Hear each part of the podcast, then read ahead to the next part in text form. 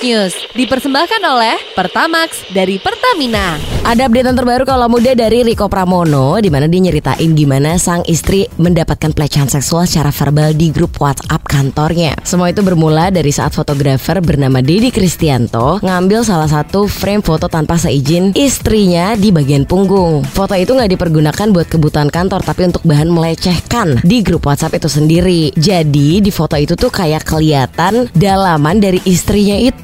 Yang bikin emosi, foto ini tuh bukan hanya diambil tanpa seizin dari si orangnya, tapi juga memang orangnya tuh dalam kondisi yang belum siap difoto gitu loh. Pada saat itu dia lagi fit. Aduh kata-kata yang dilontarin di grup WhatsApp ini bener-bener bikin gue sebagai perempuan emosi banget bacanya ya. Ya mau nggak emosi tapi ini emang menyebalkan banget Ini nih yang dimaksud dengan bercanda tapi nggak lucu nih Garing daripada bercandaan gue nggak lucu kayak gini Emang dia bilang apa Bel? Sebarin ke kaula muda Pakai ngomong-ngomong lu pikir lucu bro Kalau udah urusan melecehkan mah Wah gue gedek banget sih Bel Sorry banget nih gue emosi ah. Sabar, sabar. Riko akhirnya menuntut ke jalur hukum kaula muda. Riko negasin akan ngedampingin istrinya menuju ke tim HR kantor juga nih buat ngajuin gugatan. Salah satu gugatannya adalah memecat seluruh orang yang terlibat dengan perbincangan tersebut. Dan pemecatannya harus secara tidak hormat. Kenapa harus dipecat? Karena banyak karyawan lain yang berhak ngedapetin lingkungan kerja yang sehat, bukan diganggu sama ekosistem toksik macam orang-orang itu. Menurut Riko, hal ini juga untuk nunjukin kalau misalnya korban itu bisa tegas loh dan ngasih efek jerah juga buat para